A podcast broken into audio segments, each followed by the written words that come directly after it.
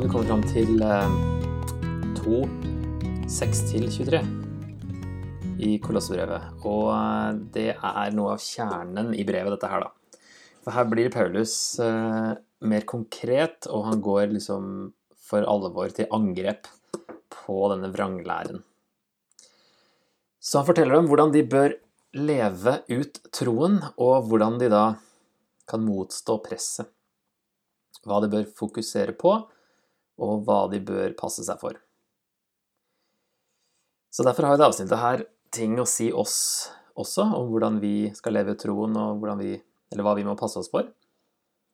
Ikke sikkert vi har tenkt så mye på det, um, hva vi bør passe oss for. Og kanskje det er et godt tegn, um, og kanskje er det ikke det. Interessant tror jeg det uansett blir da, å kikke litt eh, nærmere på dette avsnittet her. Og det er jo det avsnittet vi så på helt i begynnelsen, hvor vi får mest spor av hva som foregikk i menigheten. Og det er jo litt lenger enn de forrige, så vi må dele det opp i tre, har jeg tenkt, og snakke litt om de viktigste tingene da, i hver del. Så det siste han sa i forrige avsnitt, det var jo altså at alle visdommens og kunnskapens skatter er skjult til stede i Jesus. Det var i 2-3. Og så sa han òg at, eh, at han sa det for at ingen skulle lure dem med sine overtalelseskunster. Så fortsetter han da her i eh, vers 6 og 7. Dere har tatt imot Kristus Jesus som Herre. Lev da i ham. Vær rotfestet i ham og bygd på ham. Hold fast ved den tro dere er opplært i, med overstrømmende takk til Gud. Så de har tatt imot Kristus Jesus som Herre, og det er jo i ham de finner all visdom og kunnskap og alt de trenger, som vi har sett på så langt i brevet, da. Det er ikke like tydelig på norsk her, da, men i de versene her så er hovedbudet eh, lev. Lev da i ham, siden dere har tatt imot ham, og siden alt de trenger, er i ham. Videre, pass på at ingen får fanget dere med visdomslære og tomt bedrag, som stammer fra menneskelige overleveringer og grunnkreftene i verden, og ikke fra Kristus. Så her ser vi et nytt bud.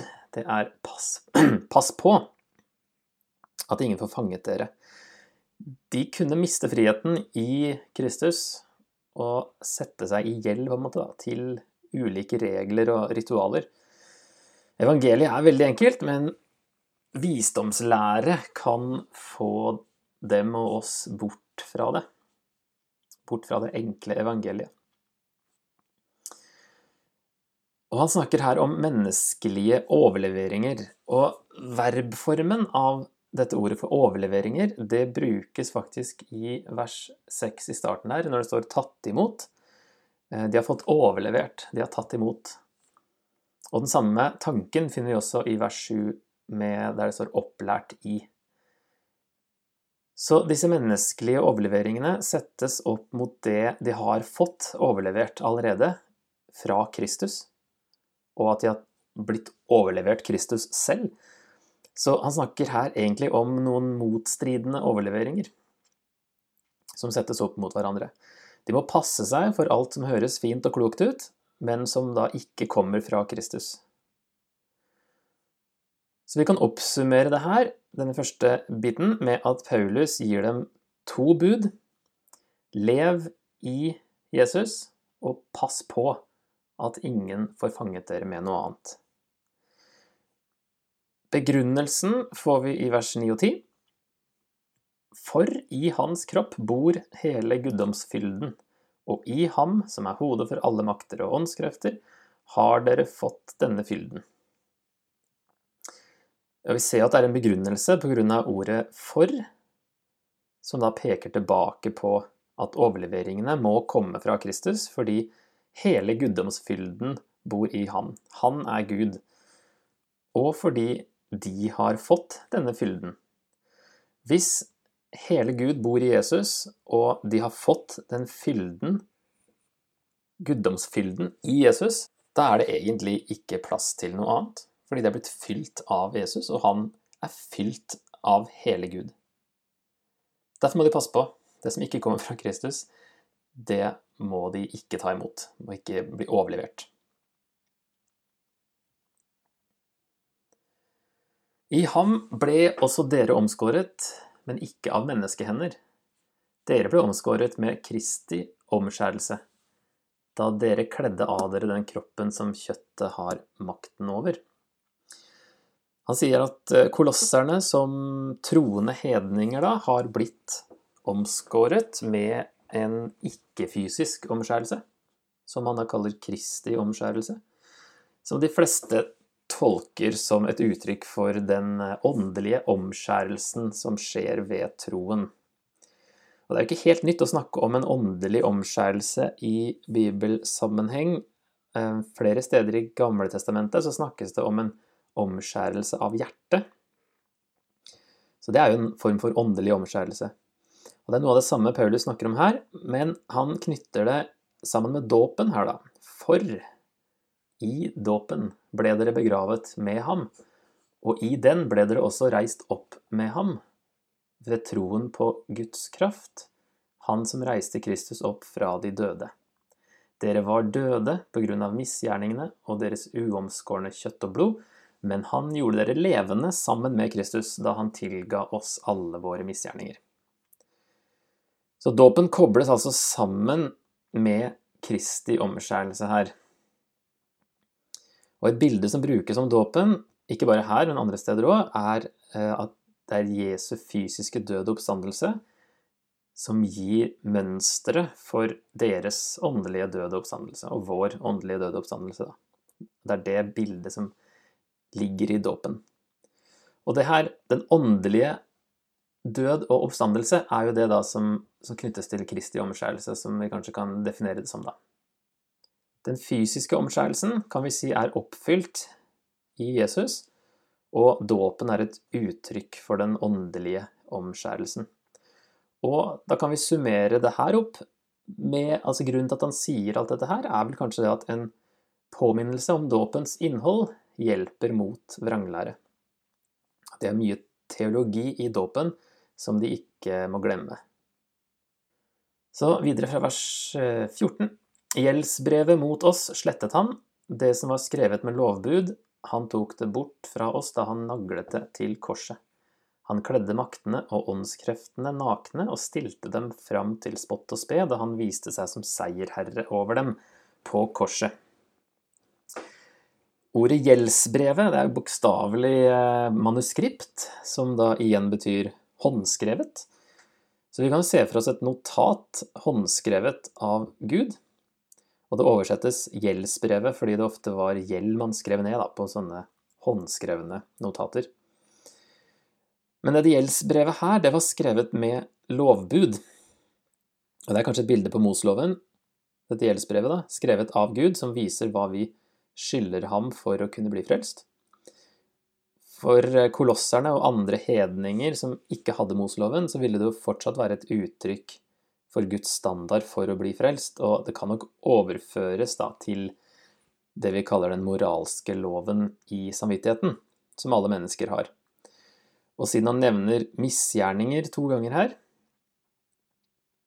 så kan vi se på det gjeldsbrevet da, som en liste med alle misgjerningene. Også for dem uten Moseloven, som likevel vet at de har synda. Og i vers 15 så er det mulig at det her knyttes til maktene og åndskreftene på en eller annen måte?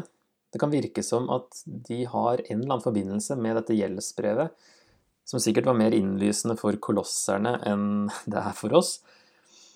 I så fall så henger det nok sammen med dette uttrykket 'grunnkreftene i verden', som Paulus har nevnt tidligere, og som han kommer til å nevne igjen, som også har en litt sånn diffus kobling med ånder som det ikke er helt lett å bli klar på hva det betyr. Derfor er det forskjellige oversettelser. I de norske biblene nå har tre forskjellige oversettelser av det. Grunnkreftene i verden. Mer eller mindre åndelig eh, oversettelse, da. Men det er i hvert fall mulig da, at de var vant til å tenke at disse åndene kontrollerte veien til Gud, og de sto mellom dem og Gud på en eller annen måte. Men pga. Jesus så har de ingen gjeld å betale verken til regler, ritualer eller ånder, fordi Jesus betalte alt. Gjeldsbrevet ble slettet på korset. Det finnes faktisk ikke mer. Derfor skylder de ikke noen noe. Og da eventuelt også noen makter og ånder inn i bildet, da. Det er bra. Good news. Og det ordet som oversettes med 'viste seg som seierherre', det er ordet for å lede i et sånt triumftog som romerne gjorde etter en militær seier, hvor de beseirede fiendene da ble ført gjennom byen i en prosesjon. Så disse maktene og åndskreftene de er altså tydelig overvunnet, og har derfor, altså kolosserne har derfor ingenting å hente eller frykte i disse åndene. Så de siste versene. La da ingen dømme dere når det gjelder mat og drikke, høytider, nymånedag eller sabbat. Dette er bare skyggen av det som skulle komme, men kroppen tilhører Kristus. Det lille ordet 'da' peker bakover på det forrige. Eh, det at siden de har fått hele guddomsfylden i Jesus, og siden han betalte alt, hele gjeldsbrevet Derfor sier han da, la ingen dømme dere. La ikke, vers 18, la ikke dem som vil drive med selvfornektelse og engledyrkelse, røve seierskransen fra dere. De går helt opp i sine syner og skryter uten grunn av sine rent menneskelige tanker, og holder ikke fast på ham som er hodet. Men ut fra ham vokser hele kroppen og blir støttet og holdt sammen av sine ledd og bånd. Da vokser den slik Gud vil.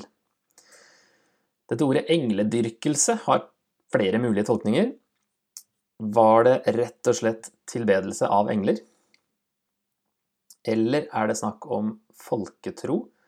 At de påkalte engler om beskyttelse mot onde ånder, og at Paulus er litt sånn småsarkastisk, og han kaller det for engledyrkelse. Det er faktisk engledyrkelse å holde på med sånt. Eller hadde det noe med jødisk mystikk å gjøre? Det kan i så fall passe med en kult som het Merkaba-kulten, hvor man brukte bl.a. faste, som ser ut til å være inne i bildet i brevet, i hvert fall noen matting og tang, brukte faste for å komme i ekstase og tilbe Gud med englene. Det er fullt mulig å oversette det slik at det er et tvetydig um, uttrykk, sånn som på engelsk. 'Worship of angels'. Det er ikke tydelig om det er englene som tilber, eller om de blir tilbedt. Så det er tre vanlige ulike tolkninger. Men disse som dette gjelder, da, de går helt opp i sine syner og skryter uten grunn av sine rent menneskelige tanker. Så det er noen syner involvert, og de mente tydeligvis at disse synene ga dem autoritet. Men det er altså helt uten grunn, og de holder faktisk ikke fast på Jesus, som er hodet for menigheten, sier Paulus. Så angående de folkene her, så sier han at de må ikke la noen røve seierskransen fra dem, selv om de selv mente at de hadde autoritet, de her som har hatt noen syner, da. Vers 20 og ut. Når dere med Kristus døde bort fra grunnkreftene i verden, hvordan kan dere da leve som i verden og rette dere etter slike bud som ta ikke, smak ikke, rør ikke? De gjelder jo ting som er ment til å brukes og forgå. Alt dette er bare menneskers bud og lærdommer. Slikt har riktignok ord på seg for å være visdom, både den selvgjorte fromheten, selvfornektelsen og mishandlingen av kroppen, men det har ingen verdi, det tjener bare til å gjøre kjøttet tilfreds. Så her får vi et um, tredje godt råd i vers 20 og 21. Ikke rett dere etter slike bud. Og det ser ut til å gjelde mat, siden han snakker om det som er ment å brukes og forgå i vers 22. Så enten jødiske matlover eller spesielle dietter eller faste som en del av en kult eller noe sånt.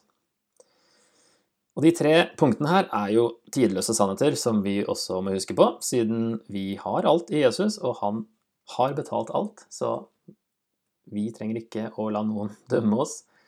Pass på at ingen eh, røver seierskransen fra oss med å lure oss med på et eller annet. Og eh, sånne bud som det her, det trenger vi ikke å rette oss etter. Derfor har slikt ingen verdi, sier han eh, helt til slutt. Men det tjener bare til å gjøre kjøttet tilfreds. De føler seg mer åndelige, men er egentlig kjødelige. Eventuelt dette er ikke av noen verdi til å stå imot kjøttets lyster, som det står i Bibelen Guds ord-oversettelsen, og i mange engelske òg, som velger den varianten. Da gir det heller ingen hjelp med å leve rett. Ut fra andre bibeltekster så tror jeg begge er riktig. Menneskers bud hjelper ikke med å leve rett, og i stedet blir man lovisk. Og det gjør ingen mer åndelig heller, selv om det kan føles sånn. Da skal vi prøve å fordøye dette her i vår egen kontekst. Har fire spørsmål, og det er litt flere spørsmål i det første her, da. Hvorfor er det lett å gi åndelig autoritet til noen som har hatt overnaturlige opplevelser? Hvorfor er dette problematisk? Hva er forskjellen på det overnaturlige og det åndelige? To, hva slags visdomslære eller menneskelige overleveringer kan fange oss i dag? Hva kan få oss til å føle oss mer åndelige, men som egentlig bare tjener til å gjøre kjøttet tilfreds? Og hva sier Kolossebrevet om hva slags fokus vi bør ha? Jeg tror det skal være mulig å um, gruble litt og få aktualisert dette avsnittet av Kolossebrevet.